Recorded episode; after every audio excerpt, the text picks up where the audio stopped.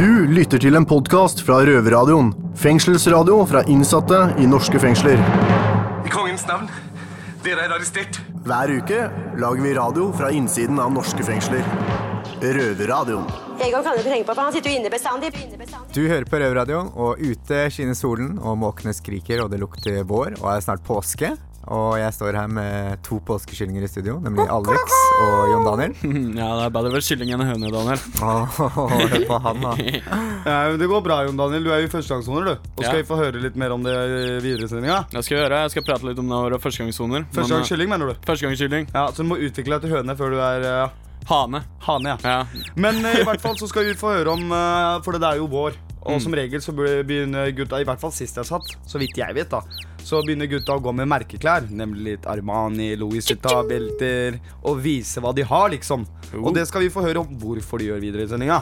Men de har på sånne ekte belter, ikke sånne fake. Ja, de har som regel, ja. Vi skal også opp en tur til Bredtvet og få høre med Heidi hvordan det var å være bestemor i fengsel. Og ellers, gutta, hvordan er det man feirer påske i fengsla?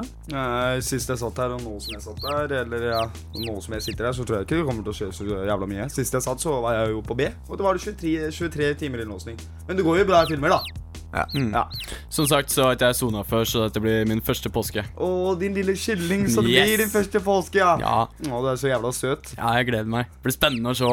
Røverradioen. Glem kjedelige nyheter fra NRK, TV 2, B4 og VG. Det her er fengslende nyheter. Må jeg få lov til å be om en mer profesjonell, eksplosiv holdning til tingene, takk? Ja, Alex, jeg står her sammen med Jon Daniel, og her får du fengselsnyheter. Men før du får det, så må jeg bare si at eh, påske er jo litt mer mord og mysterie. Så en oppfordring til alle der ute, ikke stol på noen i påskeferien. Men nok om det. Over til første nyhet. Det er eh, påske, så det, eh, det har vært en oppgang i antall redde innsatte her i Oslo fengsel. Så eh, røverne forteller hverandre skumle historier, og blir faktisk litt småredde, Jon Daniel. Absolutt. Neste nyhet er at det er mildere ute, og det gjør at rottene holdes ute. Det er jo en fordel. Men ulempen er at Botsen er et eh, gammelt murbygg, og at det gjør så blir veldig varmt her inne. Så, og folk blir veldig hissige, så kjøp vifter før det blir utsolgt. Dekk finn vifter på fritid. Og det er kommet et nytt tilskudd til underholdningstilbudet på C3. Altså min og din eh, avdeling, eh, Joa. Og vi er faktisk heldige som har det, men det er faktisk litt eh, opptur og nedtur med det. For du hører jo Oslos underverden sitter og krangler og diskuterer om hvem som skal spille Mario Kart først. Men som sagt, vi er heldige, for det er ikke alle her i Oslo fengsel som får Nintendo Wii-avdelingen. Ja, men nå skal vi over til siste nyhet. Ja, vi skal utenriks. Eh, Det har vært observert flere droner. Det er sånne flyvemaskiner som eh, bringer med seg ting og bringer ut ting. For eksempel Nei, du kan jo få inn uh, sendt en iPad. Du veit, Alex? Ja. Så, men uh, det har vært observert en uh, i HMP Featherstone, det er et fengsel i England. Uh, den kom flyvende med noe verktøy, altså en avbitertang og noen telefoner og noe narkotika. Så det var en eh, betjent som avblåste hele greia. Det tyder på at droner har blitt et økende problem. At det er flere og flere som blir observert rundt fengsler og sånne ting. Så watch out uh, for eh, dronen. Plutselig så kommer den flyvende i huet ditt. ja. Det var alt vi hadde i Fengsel nyheter for denne gangen. Dette er en podkast fra Røverradioen. Du hører på Røverradioen, og jeg, Chris, står her sammen med Daniel. Mange kriminelle er jo dritopptatt av fasade. Ser jo at folk bruker tusenvis av kroner på byen, flyr med de fineste damene, leaser de dyreste bilene og spiser tørt brød med leverpostei i ukedagene og bor i en kommunal leilighet. Hadde alle vært så vellykka som de gir uttrykk for, så hadde de ikke fått avslag på to tredelssøknaden sin med grunnlag av mangel på bolig. Hva tenker du, Daniel? Det jeg tenker, er at eh, for det første så er de bilene de er leasa. Og de pengene de bruker ute på byen, det har de fått fra litt lugubre aktiviteter. Og de damene som er der, de forsvinner raskt når champagnen er tom, for å si det sånn. Og jeg tror mange av de gjør det fordi mange av de har kanskje litt lavt selvbilde, og de vil på en måte prøve å skape seg en, en sånn falsk identitet ved å virke litt mer vellykket enn eh, det man er, og på en måte flashe litt. Og de tror det kanskje er det damer og folk liker, da. Absolutt. Men vi sitter jo her inne i fengsel, og vi ser jo hver gang vi skal på luft, så må vi gjennom en metalldetektor. Og det er jo som eh, catwalken i Paris under moteuka eller noe sånt nå, for det er jo Louis Vuitton-sko, dyre belter, dyre skjorter, jakker, alt mulig piss, og kontrasten imellom det slitne fengselet og de veggene med disse fine skoa og sånn, det er jo komisk. Ja, det er litt komisk, og det er jo veldig mange av de gjør det sikkert for å De føler at de får respekt av de andre innsatte og de andre kriminelle ved å gå i litt dyre klær og litt flashy merker. Og de tror at øh, kanskje det er det som på en måte gir dem den statusen her inne, da. Jeg syns det blir litt komisk å se alle de der store logoene og de fake klærne, og de har generelt dårlig stil. Men eh, du er jo inne på det der, det gir jo status. Ja. Altså Du tenker jo at når du ser en person som har dyre merkeklær, får hyppig besøk utenfra, tenker du at dette er en person som har ting på stell? Ja, ja, nettopp. Du gjør jo det. Du tenker at han har klart å få det til, og han har gjort det, han har gjort det bra, tenker du da. At han har, han har penger. En Tony Montana? Ja, Tony Montana. Selv om han er kanskje mer sånn Tore fra Tveita. Petter Uteligger? Jeg vet ikke. Røverpodkast. Røverradioen. Du suger, vi er best. Og nå har jeg med meg Jon Daniel her i dag, som soner sin første dom på ett år og tre måneder. Hei. Og til de av dere som hører på, så kan jeg si at det å bli fengslet for første gang, det er ganske skremmende, og det er en vond opplevelse for de fleste. Og første tiden er ofte preget av veldig mye usikkerhet. Og kan du fortelle litt om ditt første møte med fengselet? Ja, øh, først så var jeg på glattcella. Uh, ble kjørt herfra til uh, Ullersmo. Jeg tenkte jo at jeg skulle få fire uker med ferie, men uh, det ble jo ikke. Det ble jo litt lengre tid enn det. Ja. Uh, blir tatt fra seg alle klær, eiendeler og smykker og sånne ting. Ble ganske robba eller strippa, da. Og bli putta i rød dress og inn på cella, så skal du sitte der og underholde deg sjøl. Det er jo ganske Det er jo kjipt, da. Veldig kjipt. Du veit ikke hvor lenge du blir sittende, så du veit ikke hva som foregår, da, i det hele tatt. Uh, ja. Hva opplevde du som det tyngste i den første perioden? Det er jo ikke prate med familie og venner og sånne ting. Uh, jeg hadde jo ikke noe eh, Jeg kunne jo ringe fatter'n og sånne ting, da. Men eh, det var jo 20 minutter hver uke, og så må man sitte og fordele det, da. Det blir jo veldig lite, kort tid, og skal sitte og forklare seg og han angrer på det han har gjort og sånne ting. sant? Så det blir jo... det var 20 minutter ringetid i uken? Ja, Ja. det var det Pullersmo. Mm. Mm.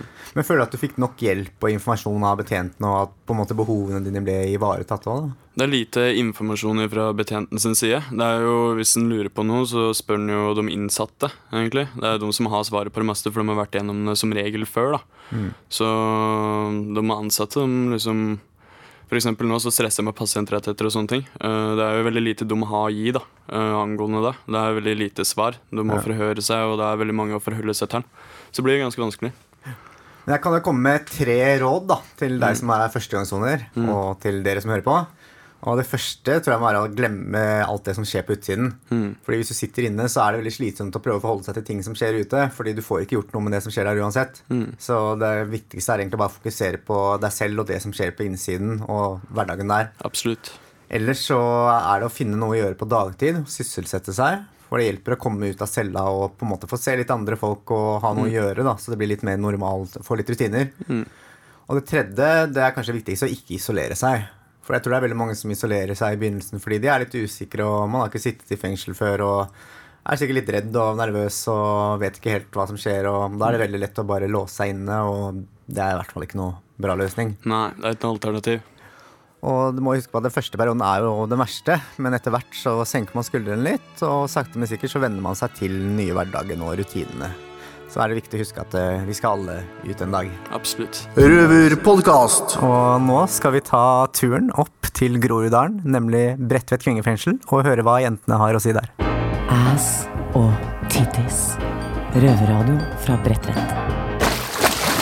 Du hører på Røverradioen fra Hønehuset på Bredtvet. Jeg, Nora, sitter her med Heidi. Og Heidi, du er jo bestemor. Hvordan er det å være bestemor i fengsel, egentlig? Kan du fortelle litt om det? Det er litt tøft. Du kjenner jo på et savn.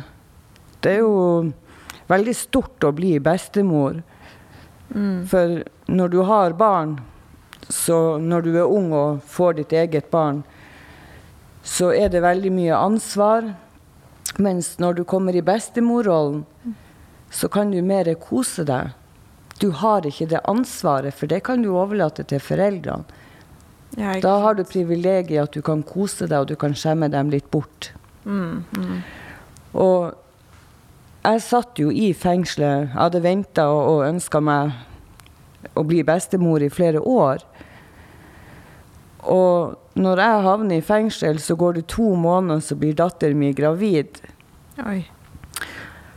Og da kjente jeg jo på det at det å ikke få være der for hun under graviditeten, og være den støtten, Mm, jeg skjønner. den var tøff. Vi var heller ikke i samme by. Jeg var i Tromsø, og hun var i Oslo. Mm. Og det var jo helt umulig for meg å kunne få være med på fødselen, og heller ikke se henne med en gang hun var nyfødt. Nei. For hun fødte i Oslo, og jeg satt i Tromsø. Så jeg fikk beskjeden per telefon. Og så gikk det et par dager, og så klarte de å krangle til at eh, via mail at de printa ut. Og da var det assisterende fengselsleder som faktisk tok og printa ut bildet av barnebarnet mitt, så jeg skulle få se henne. Så det var jo en veldig stor glede, men også kjente jeg på en sårhet i det å ikke kunne være der. Men nå er jo jeg blitt overført til Bredtvet, og får jo ukentlig besøk av barnebarnet mitt. Hun blir tre måneder nå, og hun er jo selvfølgelig i mine øyne verdens skjønneste, men det syns jo alle om sine. Så jeg er glad for at datteren min eh, kommer hit ukentlig med henne, og hun og typen de hiver seg ned. Det store besøksrommet har jo to skinnsofaer, så de slenger seg ned på hver sin skinnsofa, så sier de ah, nå kan vi slappe av. Så får jeg være bestemor på ordentlig. Det er jo veldig bra. Ja. Eh, når barnebarnet blir eldre, kommer hun til å få vite at eh, bestemor har sittet, eller eventuelt sitter i fengsel? Det vet jeg ikke. Datteren min pleier å fleipe om det at eh, andre bestemødre de forteller eh, om når de var unge. Mens jeg blir å fortelle om ja, da bestemor satt i fengsel, så skjedde det og det.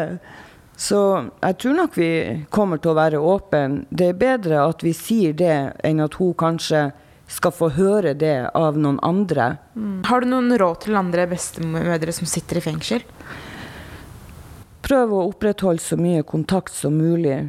Og er dere ikke i samme by at du har mulighet til å få mye besøk, les eventyr. Få dem eh, brent på en eh, CD. Send det i posten, så ungen, når barna har lagt seg, kan ligge og høre Mm. på stemmen til bestemor, og på den måten være nær. Heidi, takk for mange gode råd, og lykke til videre med å være bestemor i fengsel. Du lytter til en podkast fra Røverradioen. Fengselsradio fra innsatte i norske fengsler. Du hører på Røverradioen fra Bredtvet fengsel. Og det er to plasser det er naturlig å snakke om avføring eller bæsj. Det er på ferie i Asia og i fengsel. Bæsj er det ordet folk flest reagerer på når jeg sier det. Det er ikke sex, grisete ord, tiss, mensen og kjønnshår de reagerer på. Det er bæsj. Når jeg må på dass, sier jeg at jeg må drite eller bæsje med et stort glis om munnen. Det er dagens høydepunkt, og jeg gleder meg hver dag til dette. Skjer det mer enn én gang om dagen, hopper jeg nærmest av glede. Bæsj har fulgt meg hele livet, og det skal følge meg til jeg dør. Siden jeg var sju år, har jeg driti såkalt stein. Rasshølet mitt er fullt av arr og rifter. Det kan jeg takke Ritalin for. Ja, jeg har ADHD. Som de fleste i fengselet i Norge og utafor Norges grenser. Takket være min fengselsbeste venn, som har fora meg med et riktig kosthold, kan jeg glede meg enda mer til dagens høydepunkt. Nå kan jeg endelig drite til den store gullmedaljen. Heia bæsj! Røverradioen. Du hører på Røverradioen, og jeg Daniel har med meg Chris her i dag. Og vi skal prate litt om påsken. Hvordan feirer vi egentlig påske her i Oslo fengsel, Chris? Ja, det skjer jo ingenting. Det er jo en vanlig uke. Det er det. Det er ikke noe sånn påskehar og Helene Harefrue, nei. Nei. Men så vi gjør egentlig ikke noe spesielt i det hele tatt. Nei, ikke noe stort, egentlig. Jeg, altså, jeg prøver å holde meg til en katolsk skikk vi har, da, at vi faster på langfredag. Ah. At vi da ikke spiser noe som For oss så fast er at vi ikke spiser noe som kommer fra dyr. Ikke noe melk, ikke noe kjøtt. Ikke noe. Hvorfor gjør man det på langfredag? da? Er det Fordi Jesus ble pint den dagen. Så da skal ikke andre få lov å kose seg? Daniel, det var ikke noe gøy å tulle med det. Men Nei, men jeg skjønner ikke. Jeg bare skjønner ikke greia. Nei, altså, vi, sikkert at vi skal prøve å lide litt med han. Da. ja, ok. Nei, jeg skjønner. Men er det noe annerledes eh, enn andre høytider? Som eksempel jul og nyttår. På nyttårsaften sitter vi og hører på raketter, men når det er påske, er det, er det en annerledes høytid for oss? Nei, det skjer vel egentlig ingenting. Nei. Jeg pleier i hvert fall å reise på fjellet, da, ute, og Ah. lage lammelår på julaften. Og ikke sånn lammelår når jeg tenker på sånne små jenter. Eller ikke små jenter heller, for det blir veldig rart. Men du skjønte hva jeg mente. Ja, jeg er ikke helt sikker. Jeg er ikke blant pleier meg å dra på fjellet?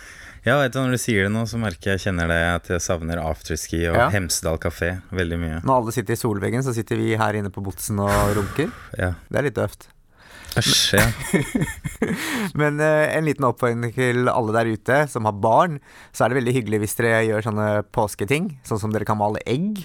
Dere kan være påskehare og gjemme påskeegg. Og så kan dere trille egg. Det er også en tradisjon som jeg egentlig aldri har hørt om før, men som ble nevnt for oss. Det er vel noen som gjør det. I Danmark gjør de visst det.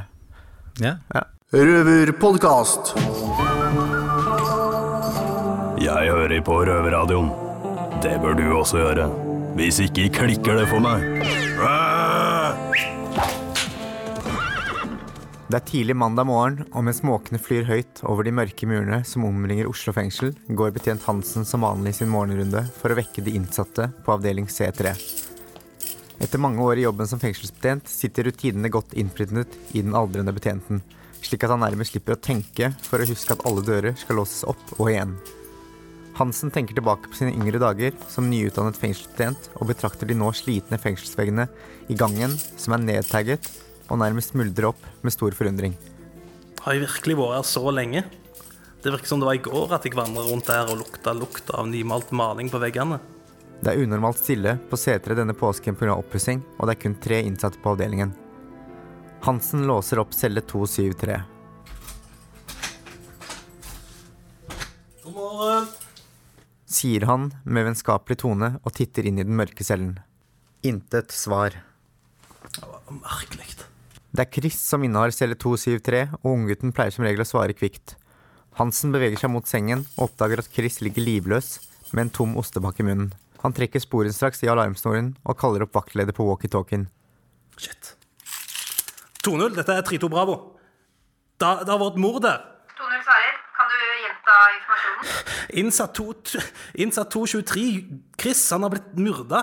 Vaktleder løper opp trappene til avdeling C3 og stormer mot cellen. Hansen står som frosset og puster tungt.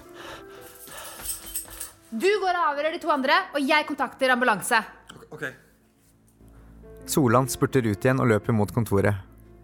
Fortsatt i sjokk går Hansen og låser opp cellen til Alex. God morgen, Alex. Har du tid til å snakke litt? Ja, så klart. Cellene er rotete, og det ligger klær og halvspiste knekkebrød med gulost på gulvet. Når så du eh, Chris sist? Det husker jeg ikke. Jeg prater sjelden med den jævla tullingen der. Hvorfor eh, kaller du han tulling, Alex? For han er en jævla luring. Hvorfor i helvete maser du om han nå, da? Det har eh, skjedd noe, men eh, jeg kan heller snakke med deg seinere. Det ser ut som du trenger litt tid til å våkne. Alex snøfter, og betjent Hansen låser cellen og går til sistemann på avdelingen, Jon Daniel. God morgen.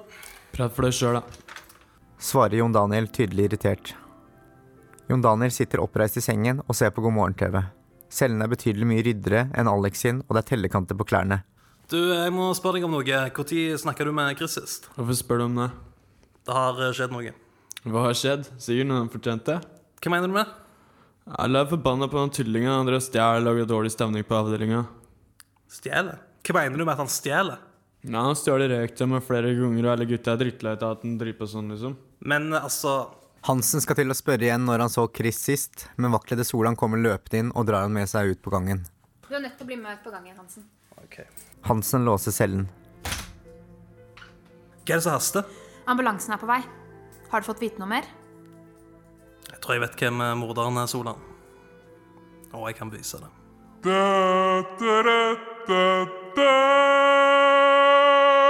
Røverpodkast. Og nå skal du få vite hvem som var morderen i påskekrimmen vår, og det var nemlig Alex. Og Alex hadde strødd om seg med knekkebrød med gulost inne på den skitne cellen hans. Og det var nettopp en tom pakke hvitost som var stappet ned i halsen på Chris. Og med det tenker jeg at eh, Alex kanskje trenger litt eh, juridisk hjelp, så her kommer noen tips fra Jussbuss. Røverflash blir presentert av jusstudentenes rettstiltaksgruppe, Jussbuss. Hvorfor har Nav stoppet utbetalingen av uførepensjonen din? Pga. nye regler innført i 2015 har Nav rett til å enten stanse eller redusere uførepensjonen din under soning. Fra dette utgangspunktet gjelder det noen få unntak. Hvis Nav har stanset din uførepensjon, og du er usikker på om de hadde rett til det, ta kontakt med Jussbuss. Vi ønsker å se på vedtaket om at Nav har stanset utbetalingene. For å snakke med oss i Jussbuss, ring 22 84 29 00. Røverradioen. Du hører på Røverradioen med Daniel og Chris, og i dag så skal vi ta farvel med nok en røver, og det er jo deg da, gutten. Det er det endelig. Men du er ikke helt fri. Hvor er det du egentlig skal da? Jeg skal til Sandaker overgangsbolig. Det er eh, ett skritt nærmere friheten. Ikke helt fri, men nesten. For overgangsbolig, det er da steget før løslatelse? Ja, det er vel uh, siste fase man har når man skal tilvennes til å være i samfunnet igjen. Ja, Og da er du på en måte fri på da? Da jobber du på dagtid, eller? Ja, da skal jeg jobbe på Røverhuset og har nå en del permisjoner. Og... Ja. Har du noen andre planer fremover, eller? Det er å ta ferdig noen studier jeg har påbegynt og sånn. Ja, det høres bra ut. Men uh, vi skal fortelle kort hva du har lært her i Røverradioen mens du har vært her. Nei, Vi får jo bruke en helt annen side av oss sjøl enn det vi egentlig får brukt her i fengselet. Altså, Vi får vært mer kreative, bli utfordra litt, kjenne på det å være stressa eller nervøs foran stå foran mikrofonen igjen. Det, er, det, skjer mye. Så det som det blir deilig å slippe å forholde seg til når jeg kommer ut, er uh, Slipper å uh, se gleden i småting. Altså, jeg kan glede meg over normale ting igjen, liksom. Her inne så er det sånn at du må tvinge deg til å være tvinge meg til å tro at nå koser jeg meg fordi jeg sitter og spiser havregryn og ser på God morgen Norge, liksom. Det er ikke så hyggelig, egentlig. Det er det ikke. Men uh, har du noe du har lyst til å si til de innsatte eller de på utsiden? Til de på utsida, hold dere på utsida. Til de innsatte, kom dere ut. Ja. Men da har vi også fått med oss Alex og Jon Daniel, og dere har noen visdomsord til eh, Chris? Ja, jeg vil eh, gjerne ønske deg lykke til, Chris. Uh, så kjenner jeg at jeg er litt misunnelig på deg, for du skal jo bli litt friere enn du er nå. Uh, men jeg unner deg det. Unner helt godt, så må du ta vare på det. Det har for ingenting vært evig. Oh, du var, prøver å si at jeg skal inn igjen, eller hva var det du sa? Mm. Nei, men altså Ting er viktig, da. Ja, altså, er livet er mye livet som er viktig. Takk for det. Ja. Ja, jeg er helt enig med Jon Daniel, Chris, og jeg har faktisk troa på deg. At du holder deg på matta. Du ser ut som du skal drepe meg nå, Alex. Nei, jeg kan ikke ta litt irritasjonen min over deg nå når du skal dra. Men eh, nei, jeg bare tuller. Jeg. Men ja, Chris, jeg, som sagt, jeg har troa på deg, og jeg har lært veldig mye av deg. Og jeg gleder meg til å komme og møte deg på utsiden. Takk i like måte, Alex. Jeg har lært mye av deg, og det har vært veldig gøy å være med dere. Alle sammen. Røverradioen. Da er det min siste sending. Jeg er ferdig. Dere slipper meg, jeg slipper dere. Jeg skal videre og ut. Det blir chill. Jeg gleder meg.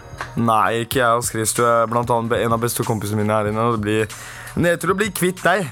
Men uh, jeg ønsker deg alle det beste, Chris. Takk for det, Alex. Det er hyggelig å høre at du har slått om fra å gå fra å ønske meg alt vondt når jeg sa jeg skulle til Sandaker, og at du skulle ødelegge for meg så jeg ikke ble flytta over. Hyggelig å se at vi har kommet over den kneika. Ja, det er bra. I dagens sending har du fått en påskenøtt av oss til å bryne huet ditt på. Vi håper du likte det. Neste ukes sending, Alex, hva skjer da? Da skal vi annet diskutere vold mot barn. Det blir spennende. MIF har også et jubileum. Det er musikk i fengsel og frihet, og i den anledning skal vi få høre fra en musikkgruppe på Bredtvet.